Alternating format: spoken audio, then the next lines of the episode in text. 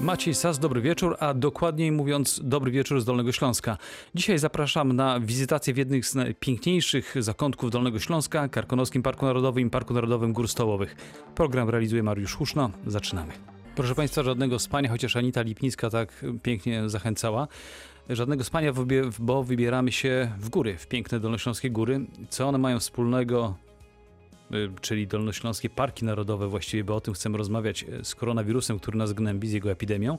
Okazuje się, że wiele, bo mm, zmagania z tą brzydką epidemią sprawiają, że chętniej uciekamy w te dwa piękne zakątki regionu, a że na dodatek zima dodaje im uroku, zarówno w Karkonoskim Parku Narodowym, jak i w Parku Narodowym Gór Stołowych w każdy weekend widać tłumy.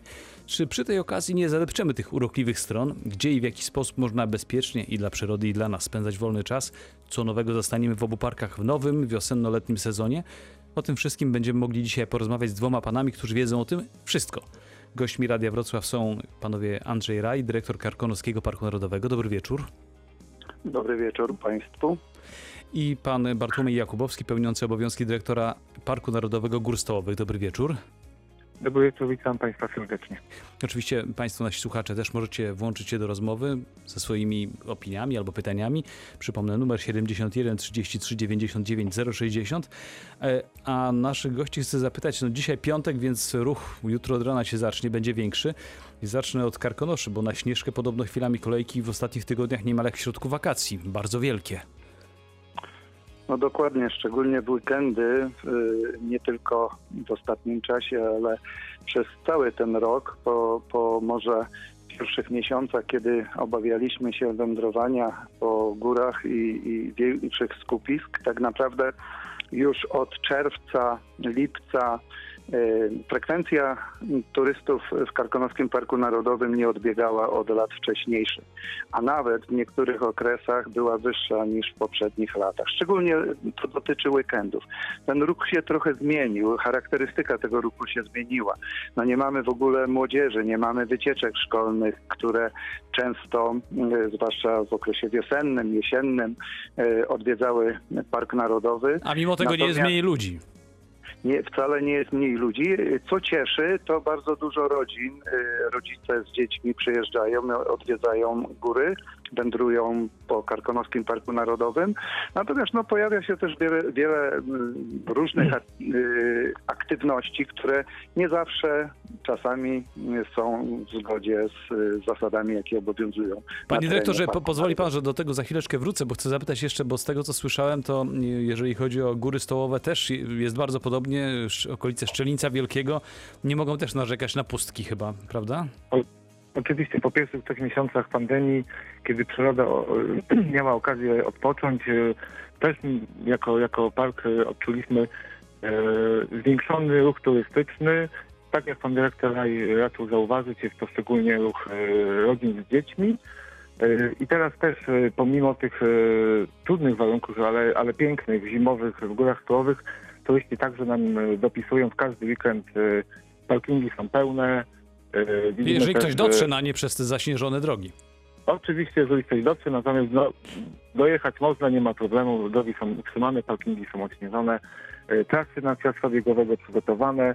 E, mamy już statystyki, które mówią, że w zeszłym roku odwiedziło nas około miliona turystów, więc to jest ta, ta liczba, o którą mm, możemy się e, chwalić okrocznie, że odwiedza nas, nas milion osób, mimo tego, że ten sezon coroczny był zdecydowanie krótszy i zdecydowanie e, najdziwniejszy w mojej karierze pracy w Parku Narodowym. Pan dyrektor Raj wspomniał o tym, że mm, cieszy się z tego, że ludzie przyjeżdżają, chociaż nie ze wszystkich zachowań wypada się cieszyć. Muszę właśnie, chciałem pana zapytać o te dziwne zachowania, bo e, kiedy uciekamy szukając tej oazy spokoju, czyli odległego od, od stresu i strachu związanego z koronawirusem, czasami niemądre rzeczy niektórzy robią, niektórzy robią chyba, prawda? E, no, oczywiście, zwłaszcza jeśli ta frekwencja jest bardzo duża, to e, kolega gór stołowych wspomniał o mi- milionie. Nas odwiedziło prawie 2 miliony turystów i to nie było wcale mniej niż e, w roku e, poprzednim czy w latach poprzednich. Natomiast zachowania e, turystów są bardzo różne. Są tacy, którzy rzeczywiście szukają odosobnienia, szukają Spokoju. poszukują nowych miejsc i odkrywają te nowe miejsca, które są mniej uczęszczane przez turystów, ale zdecydowana większość niestety koncentruje się w miejscach najbardziej popularnych.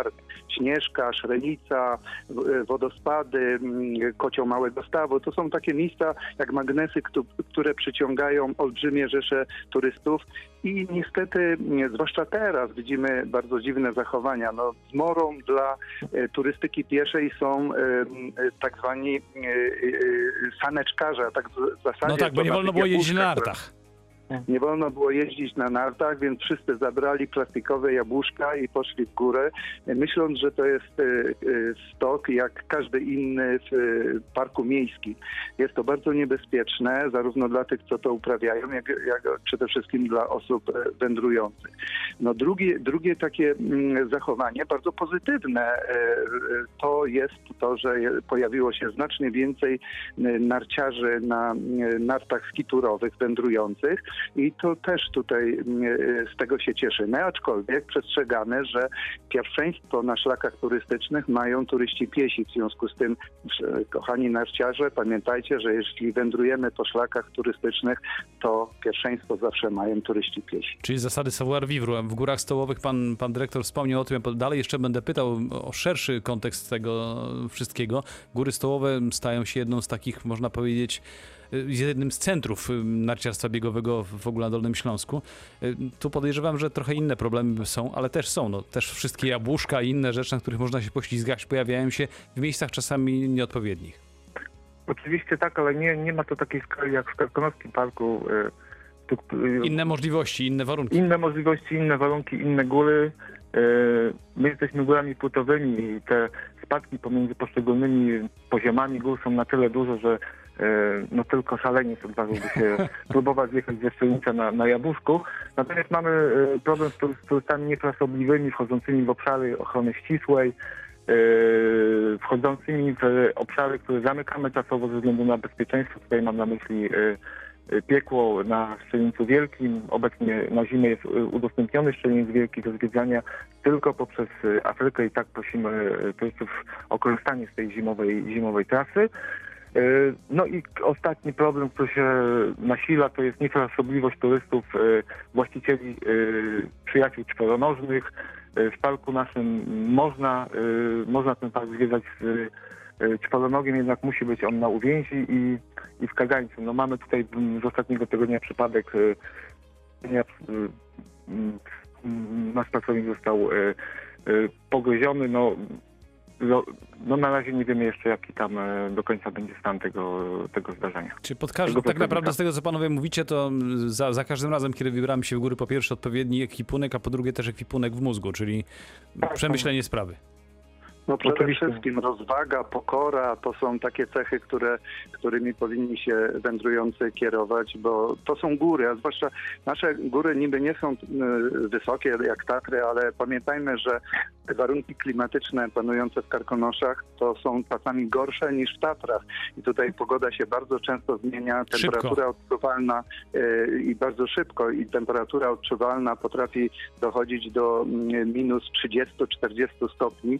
W związku z tym y, y, pamiętajmy, że y, wybierając się w te góry musimy być dobrze przygotowani, zarówno znać teren, wiedzieć gdzie chcemy dojść, jak wędrować, no i przede wszystkim być dobrze przygotowanym pod względem kondycyjnym i ubioru. Panowie poruszyliście takie, taką ważną sprawę, do której chciałbym za chwileczkę, teraz postawimy kropkę, ale chciałbym, żebyśmy za moment po, po krótkiej przerwie, po piosence wrócili do tego. Powiedzieliście, że są te szlaki takie bardzo uczęszczane, trochę z przyzwyczajenia, a jest wiele innych miejsc, w które można by też się skierować. I o to też, jakie to miejsca i w jaki sposób sprawić, żeby ludzie zechcieli posłuchać dobrych podpowiedzi, za chwileczkę o tym porozmawiamy. W wieczorze z Dolnego Śląska wędrujemy dzisiaj po dwóch pięknych dolnośląskich parkach narodowych, Parku Narodowym Gór Stołowych i Karkonoskim Parku Narodowym. Przed chwileczką panowie dyrektorzy, pan Andrzej Raj i pan Bartłomiej Jakubowski opowiadali o tym, jak teraz sytuacja wygląda i że każdy weekend to są duże tłumy ludzi. Nie dziwię się wcale, też chętnie sam się wybieram. Ale panowie wspomnieliście o tym, że są ulubione szlaki. Dwa, trzy zawsze, którymi ludzie chodzą. To trochę jak w filmie, także wybieram zawsze mm, te piosenki, które już znam. Y, Macie jakieś możliwości, czy w ogóle robicie panowie coś, żeby, żeby zachęcić ludzi, no bo przecież nie zmuszać, nie o to chodzi, zachęcić do zwiedzania innych, czy oglądania innych miejsc niż te najpopularniejsze. Na przykład w, Karkonoszach to oczywiście Śnieżka czy Szczelnica i i Szczeliniec w Górach Stołowych. Zacznijmy może tym razem od y, Gór Stołowych, jeżeli panowie pozwolicie. Coś panowie państwo robicie, żeby zachęcić? Są inne miejsca, a nie ma tylu ludzi? Oczywiście, no, no góry stołowe to nie tylko Szczelniec Wielki i inne skały. E, Góry stołowe to także białe skały, narożnik, które stają się coraz bardziej popularne. Natomiast e, chcemy zachęcać turystów do wędrowania po, po, po całym obszarze parku. E, dlatego też e, przebudowujemy e, e, sieć szlaków pieszych i rowerowych, tak żeby była możliwość dowożenia transportem publicznym do tak zwanych punktów, punktów węzłowych, e, pochodzenia po terenie parku i powrotu do tego samego punktu i odbioru przez transport publiczny. E, Ostatnio też wydaliśmy PDF-owy, oczy- oczywiście w wersji PDF-owej e, przewodnik po skalnych grzybach, który zachęcam do, do, do jego pobrania z naszej strony i odwiedzenia tego obszaru, który przez długie lata był nieodkrywalny przez turystów, a ostatnimi czasy rzeczywiście dzięki temu przewodnikowi także zaczyna być, e, być przedmiotem e, pieszych wędrówek. No, przyczepię się do tego, co pan powiedział. No, przyczepię się uzupełnie, bo ostatnio też Mhm. rozmawiałem z, z panem burmistrzem Radkowa, panem Janem Bednar- Bednarczykiem, który mówił o tym, że chciałby ograniczyć właśnie wjazd do serca parku samochodem. Wiele osób podobno by chciało i miałoby tam tylko właśnie transport publiczny i to na przykład autobusy elektryczne. Myśli pan, że to ma szansę się stać w przewidywalnej przyszłości? Pomysł rzeczywiście Znaczy- chyba dobry.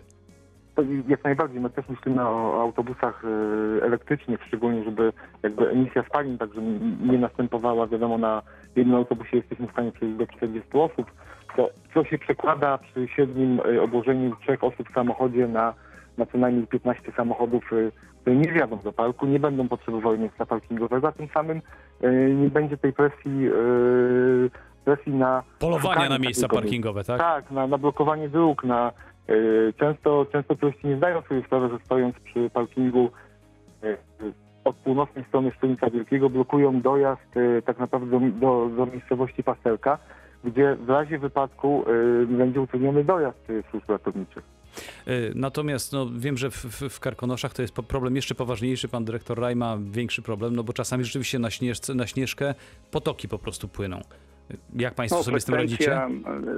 W ostatnim roku e, i to nie wcale w lipcu czy w sierpniu, we, e, we wrześniu jednego dnia weszło prawie 12 tysięcy ludzi na Śnieżkę. To sobie można wyobrazić, jak ta Śnieżka była zatłoczona. I Czyli, całe, całe przyzwoite duże miasto. Tak, i zadać pytanie, czy są jeszcze jakieś możliwości, aby tam weszło więcej. No my uważamy, że nie. Y, Pamiętajmy, że powierzchnia parku to tylko 6 tysięcy hektarów. Te 2 miliony, nawet ponad 2 miliony, które nas odwiedza, to uważamy, że to już jest maksymalna liczba, która jest w stanie pomieścić y, y, ilość turystów, tak aby to było bezpieczne dla przyrody, którą chronimy. Dlatego też od wielu lat, y, i, a zwłaszcza w tym roku, rozpoczęliśmy taki mm, projekt edukacyjny Weekend bez Śnieżki, promując inne obszary w Sudetach Zachodnich, eh, y, bardzo ciekawe, bardzo charakterystyczne dla tego regionu i łatwo dostępne. Całe Sudety Zachodnie to jest 150 tysięcy hektarów. Jest mnóstwo wspaniałych miejsc, y, wiele atrakcji, wspaniałe, wspaniale utrzymane szlaki turystyczne. Dlatego też zachęcamy, żeby rzeczywiście korzystać z tych miejsc i odwiedzać je. To jest odwiedzanie czegoś i poszukiwanie nowych wrażeń, odkrywanie nowych miejsc i myślę, że z przyjemnością wiele osób y, już z tego korzysta. Natomiast wie, wiele osób niestety kieruje się troszeczkę takim owczym pierwszym pędem, kojarząc, y, że Karkonosze to Karpacz, a jak Karpacz to Śnieżka lub Szklarska Poręba, a jak Szklarska Poręba to Szrenica. Natomiast wystarczy troszeczkę y, y, zajrzeć do internetu, popatrzeć na mapy turystyczne, na różnego rodzaju opracowania i rzeczywiście odkrywać wiele miejsc, gdzie nie chodzi jeszcze wiele ludzi, gdzie można bardzo spokojnie, z dużą wrażliwością i z takim... I wcale nie mniej ciekawie, prawda? Oczywiście, to, to nie są y, y, mniej ciekawe miejsca. Mało tego powiem, one były odkryte już przed II wojną światową. Wiele tych miejsc było bardzo popularnych. Tam, była, tam istniała infrastruktura. Niestety y, przez długi okres czasu troszeczkę zapomnieliśmy i skupiliśmy się na tej centralnej części Karkonoszy, robiąc sobie troszeczkę krzywdę, bo wędrowanie w takim tłumie na Śnieżkę na pewno nie jest przyjemne. No to żadna radość jest tak. Ale jeszcze- jedną rzecz chcę panów zapytać, bo też skoro już mówimy o tej masowości, często też y, są takie mm, pomysły i, bardzo dobrze, y, żeby odbywały się imprezy masowe, czy to biegi, czy to na przykład jakieś wyścigi rowerów górskich. Y, Jak podchodzicie panowie do tego jako osoby kierujące Parkiem Narodowym? To znaczy, to, to są rzeczy, które powinny się odbywać, czy nie? Bo zdania są jak zawsze podzielone, pewnie pół na pół, ale mimo wszystko to się odbywa, czyli zgody są wydawane, podejrzewam, z konkretnymi obostrzeniami. Może tym razem zacznijmy od Parku Narodowego Karkonoskiego. Udostępnianie parku dla celów takich rekreacyjno-sportowych e, każdorazowo musi się e, odbyć za zgodą dyrektora. To, o tym mówi ustawa o ochronie przyrody. Tak. To nie jest e, czyjś wymysł. No, Pamiętajmy, że Park Narodowy to nie arena sportowa, to nie stadion sportowy, gdzie możemy nieskończoną ilość imprez organizować. W Karkonoszach mamy pewien katalog imprez, które mają już swoją pewną tradycję i analizując y, wpływ y, y, organizacji tych imprez na przyrodę i na bezpieczeństwo innych użytkowników, dopuściliśmy możliwość organizacji kilku imprez biegowych. Mamy również wjazd rowerem na Śnieżkę. Natomiast jest to katalog w zasadzie już zamknięty. Natomiast oczywiście pomysły są coraz to nowe.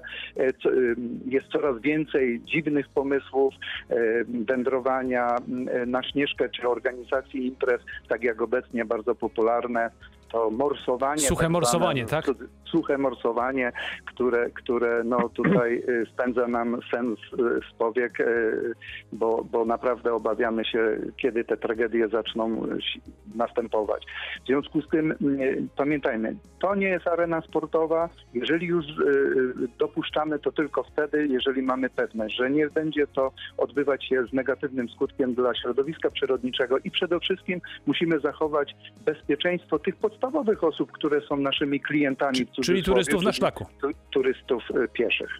Y, W górach stołowych, no, tak już pan dyrektor Jakubowski mówił trochę o tym, że to jest inny charakter, ale no też są takie pomysły, żeby się rozmaite imprezy odbywały.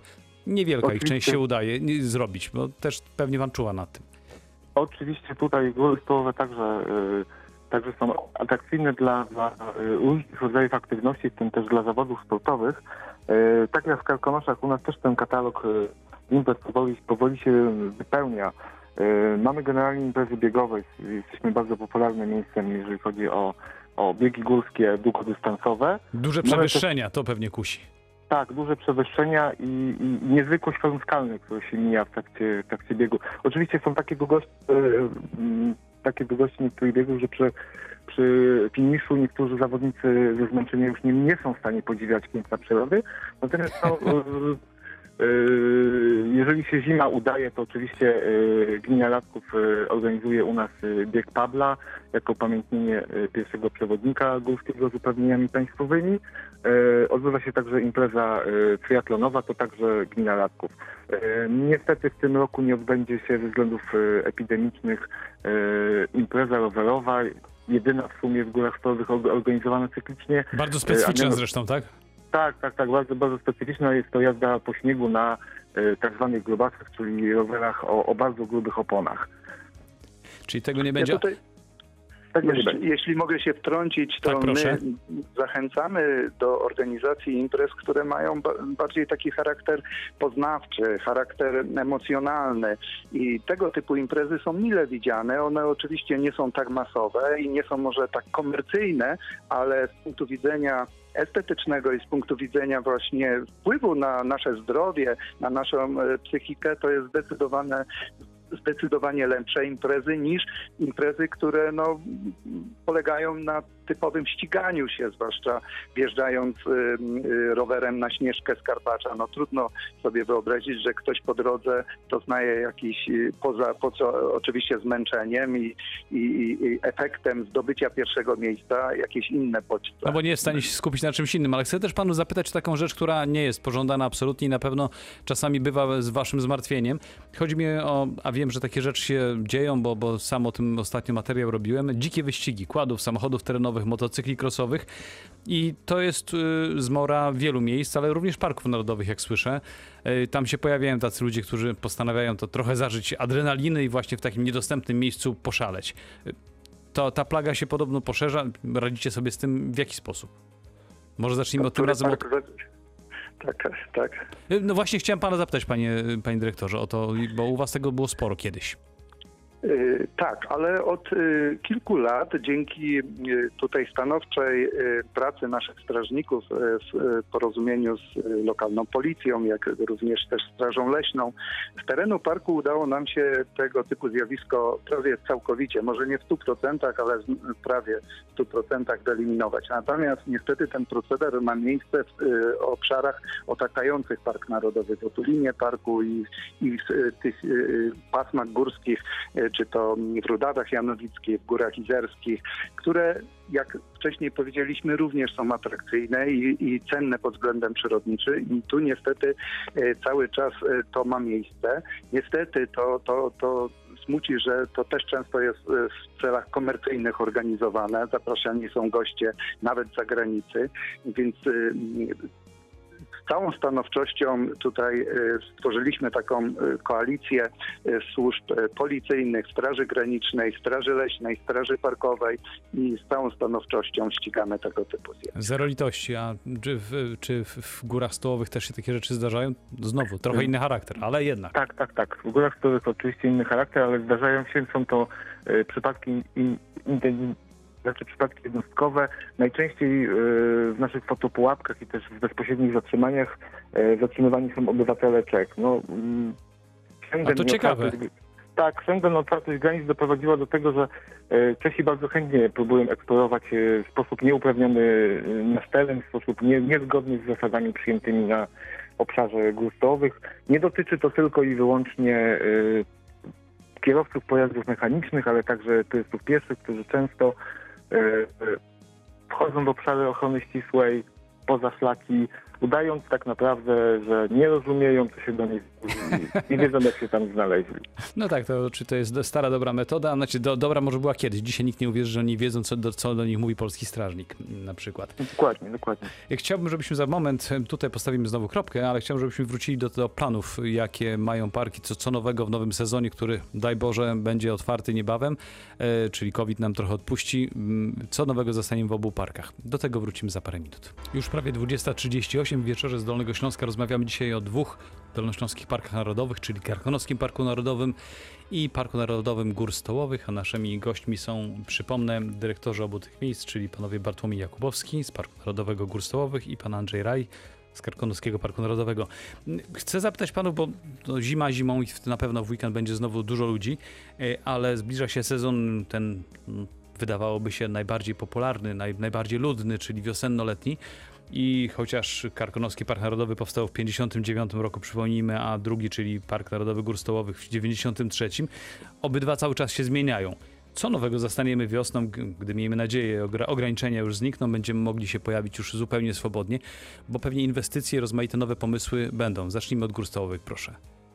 Czy góry stołowe y, przez ostatnie lata dzięki y, finansowaniu z funduszu leśnego y, poprawiły jakość infrastruktury. Powstały nowe wiaty turystyczne, wiaty ogniskowe, y, powstały y, nowe y, barierki zabezpieczające y, mm, turystów przed, przed y, niebezpieczeństwami gór. Y, Przyszły rok, y, y, znaczy przepraszam, planujemy y, poświęcić na konserwację istniejących infrastruktury. Kończymy także zakończyć przebudowę drogi, która kiedyś stanowiła drogę powiatową, tak zwany kręgielny trakt ta przebudowa e, idzie w kierunku takiej trasy pieszo-rowerowej, która łączy, która łączy już e, Batorówek e, z Karłowem. Jest to najwygodniejszy wjazd z góry tak naprawdę delikatnie cały czas pod górę można z Batorówka dotrzeć do Karłowa. E, W planach mamy także e, określanie e, obszarów ochrony ścisłej, to znaczy Tam, gdzie nie E, wolno wejść, gdzie musi tam, być gdzie nie spokój. wolno wyjść, chcemy, chcemy, chcemy e, wskazać turystom e, te miejsca poprzez e, oznaczenia, e, oznaczenia na drzewach oraz oznaczenia przy szlakach, przy oznaczeniach szlaków, które przebiegają przez obszary ochrony ścisłej, tak żeby oni byli cały czas świadomi, że, że są na obszarze ochrony ścisłej.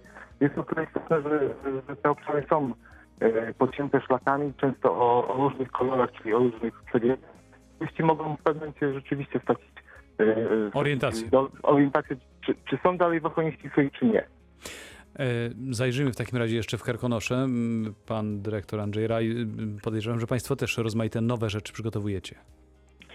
No zdecydowanie tak. Oczywiście oprócz standardowych zadań e, polegających na utrzymaniu szlaków turystycznych, których mamy ponad 130 kilometrów i które w ostatnich latach gruntownie wyremontowaliśmy, także szlaki są bardzo wygodne i bezpieczne do wędrowania.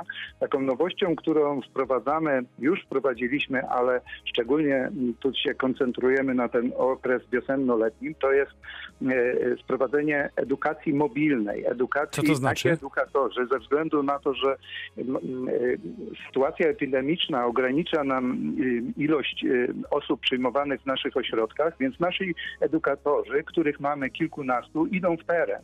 I to jest e, coś fantastycznego, ponieważ wychodzą naprzeciw turystom, spotykają się z nimi, omawiają różnego rodzaju zagadnienia, jak trzeba to pouczają, ale przede wszystkim służą pomocą, jak się zachować, co można ciekawego zobaczyć, jak zweryfikować trasę swojej wycieczki.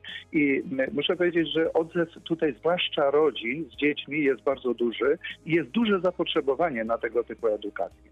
No z takich rzeczy infrastrukturalnych to oczywiście w tym roku będziemy gruntownie przebudowywać em, całą infrastrukturę zwiedzania wodospadu Kamieńczyka, która nie jest w złym stanie, ale jest, wymaga już e, pewnego tutaj liftingu tak zwanego, aby było tam bezpiecznie.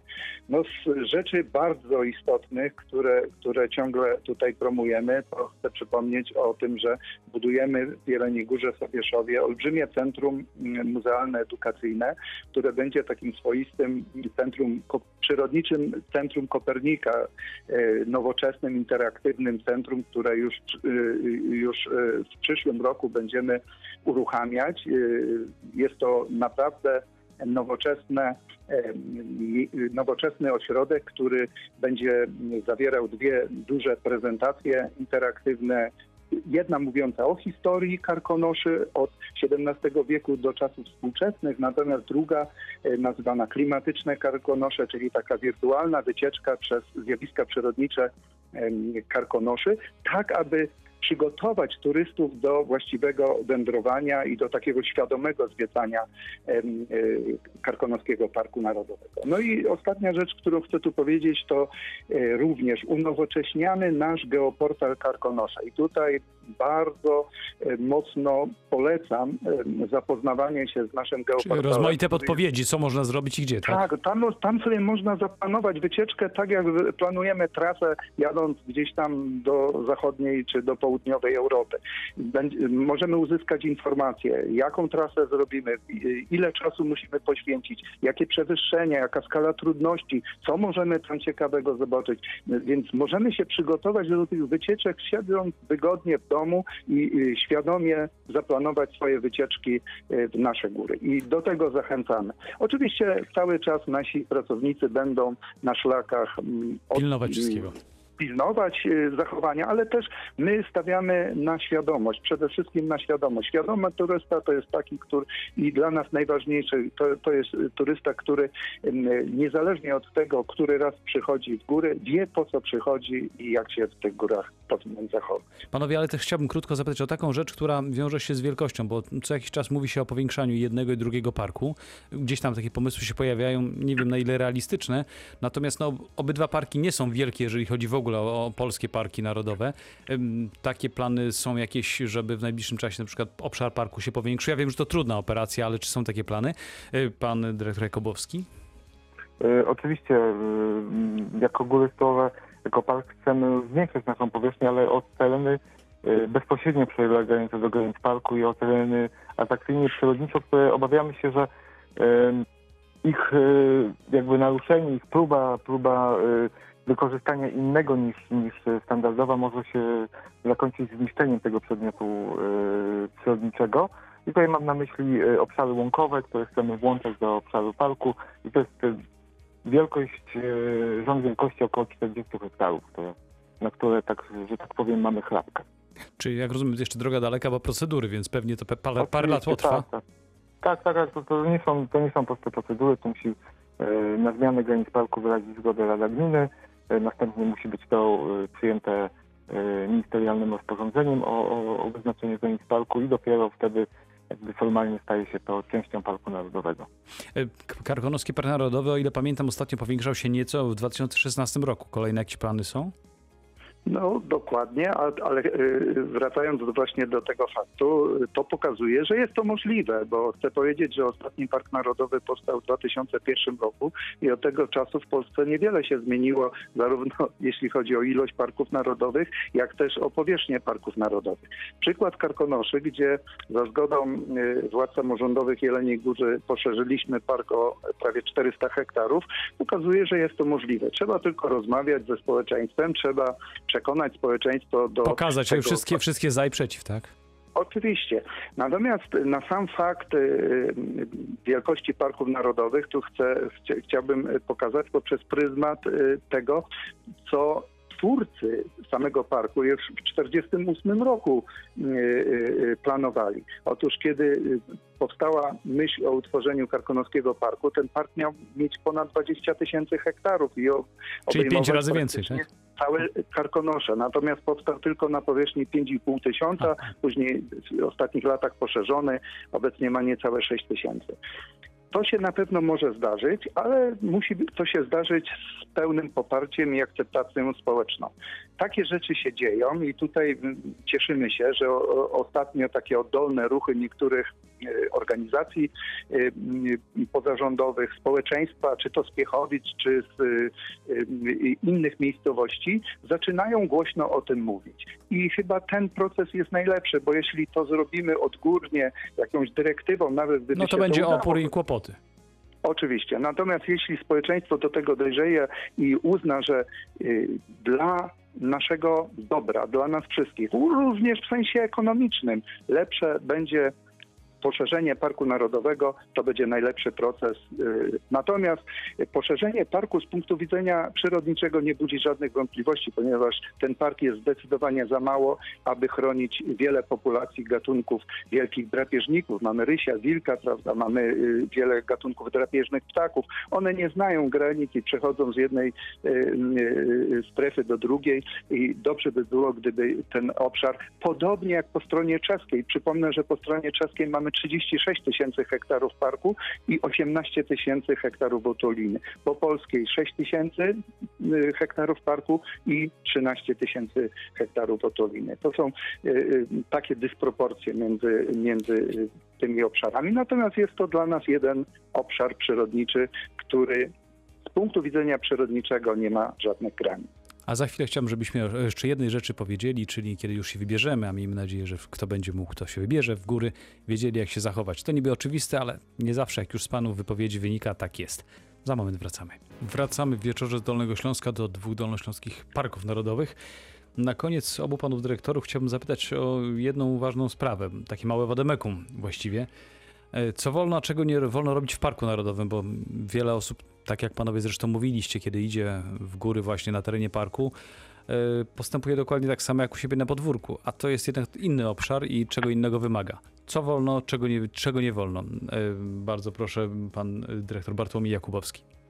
Znaczy, mi się wydaje, że generalnie e, turyście wolno cieszyć się życiem, ale żeby to, te, ta, ta radość tego życia nie, nie, nie oddziaływała na jakość e, innych turystów. To znaczy, e, chodzi mi o to, żeby turyści e, nasi odwiedzający parki narodowe mieli tą świadomość, nie są jedyni. I nie tylko e, dla nich jest ten park, jest też e, poza ludźmi, jest dla przyrody przede wszystkim e, e, ta forma ochrony jest powołana. Dla, dla rzadkich E, czasami gatunków i bardzo delikatnych. rzadkich, tak, czasami gatunków delikatnych. I jeżeli mm, turyści nie muszą, to niech nie starają się odwiedzać y, najbardziej atrakcyjnych miejsc w, czasie, kiedy y, każdy może się domyślić, że to są miejsca, że tak je nazwę, oblegane. Czyli na przykład Dla- weekend. Wiadomo, że Szczecin jest wielki i weekend nie lubią się. Tak, tak, tak. To są, to jest y, czas, kiedy, kiedy Szczecin Wielki powinien przez świadomie turysta być w ogóle nie brany pod uwagę. Jest tyle pięknych innych miejsc, nie tylko w górach stołowych, ale także w Otulinie, także w, okoli, w okolicznych miejscowościach jest dużo rzeczy do zobaczenia. Więc zapraszamy w góry stołowe, ale jednak z rozsądkiem i jednak y, omijając długie weekendy i omijając dwie największe atrakcje, czyli Błędne Skały i Szczecin Wielki. Co do samego poruszania się po terenie parku, to tutaj e, ja bym apelował do turystów o e, umowy społecznej, która mówi, że jeżeli jest park, jeżeli jest szlak pieszy, to jest przeznaczony dla ruchu pieszego, jeżeli jest szlak rowerowy, to jednak jest bo często są to konflikty, e, drobne, drobne nieporozumienia, które, które jakby wpływają na jakość e, przebywania w górach. Pan dyrektor Andrzej Raj mówił o tym, że też obawia się chociażby tego, tych, tych suchych morsów, tak, w górach. To Tak. chyba, chyba, jak rozumiem, to też nie jest dobry pomysł. Nie, nie, to są, to są złe pomysły. Panie dyrektorze, wracamy w tej chwili w, Kar w Karkonosze. No cóż, no, takie podstawowe wademekum dla turysty, który chce y, odwiedzać Karkonoski Park Narodowy, to przede wszystkim y, no, turyści powinni zapoznać się z y, trasą, którą zamierzają wędrować. Trochę poznać ten teren przed przyjazdem. To, o czym pan mówił, zaplanować trasę, a łatwe to jest w tej chwili. Tak, oczywiście, tak jak powiedziałem wcześniej, istnieje mnóstwo informacji w internecie. Y, Mamy ten geoportal Karkonosze, gdzie rzeczywiście w sposób y, wygodny i szybki możemy y, właściwie zaplanować wycieczkę. Podstawowa rzecz to poruszamy się tylko po wyznaczonych szlakach turystycznych i, jak w przypadku Karkonoskiego, tylko w porze dziennej. Nie pozwalamy poruszać się w porze nocnej. Tę nocną przestrzeń zostawiamy przyrodzie. Y, Naprawdę gęstość szlaków turystycznych i frekwencja turystów jest tak duża, że chociaż te nocne godziny zostawmy dla zachowania odpowiednich procesów przyrodniczych w przyrodzie i, nie, nie bądźmy tam, nie przeszkadzajmy, y, zachowujmy się cicho y, na terenie parku. Kolejna rzecz, którą promujemy od wielu lat. W Karkonoszach nie ma koszy na śmieci y, y, na szlakach turystycznych. I tak jak wszędzie I to na nie świecie przypadek, nie przypadek. śmieci zabieramy ze sobą. E, Przynieśliśmy pełne butelki, to tym bardziej łatwo nam wynieść e, z, z terenu parku puste butelki plastikowe czy szklane. Także podstawowa zasada śmieci zabieramy za sobą. E, Pozwalamy wprowadzać e, również też, podobnie jak w górach stołowych, psa, e, psy, czworonogi, ale pamiętajmy, one muszą być trzymane na smyczy. To jest ciągły problem, że nawet mały piesek tam nikomu nie zaszkodzi. Nieprawda.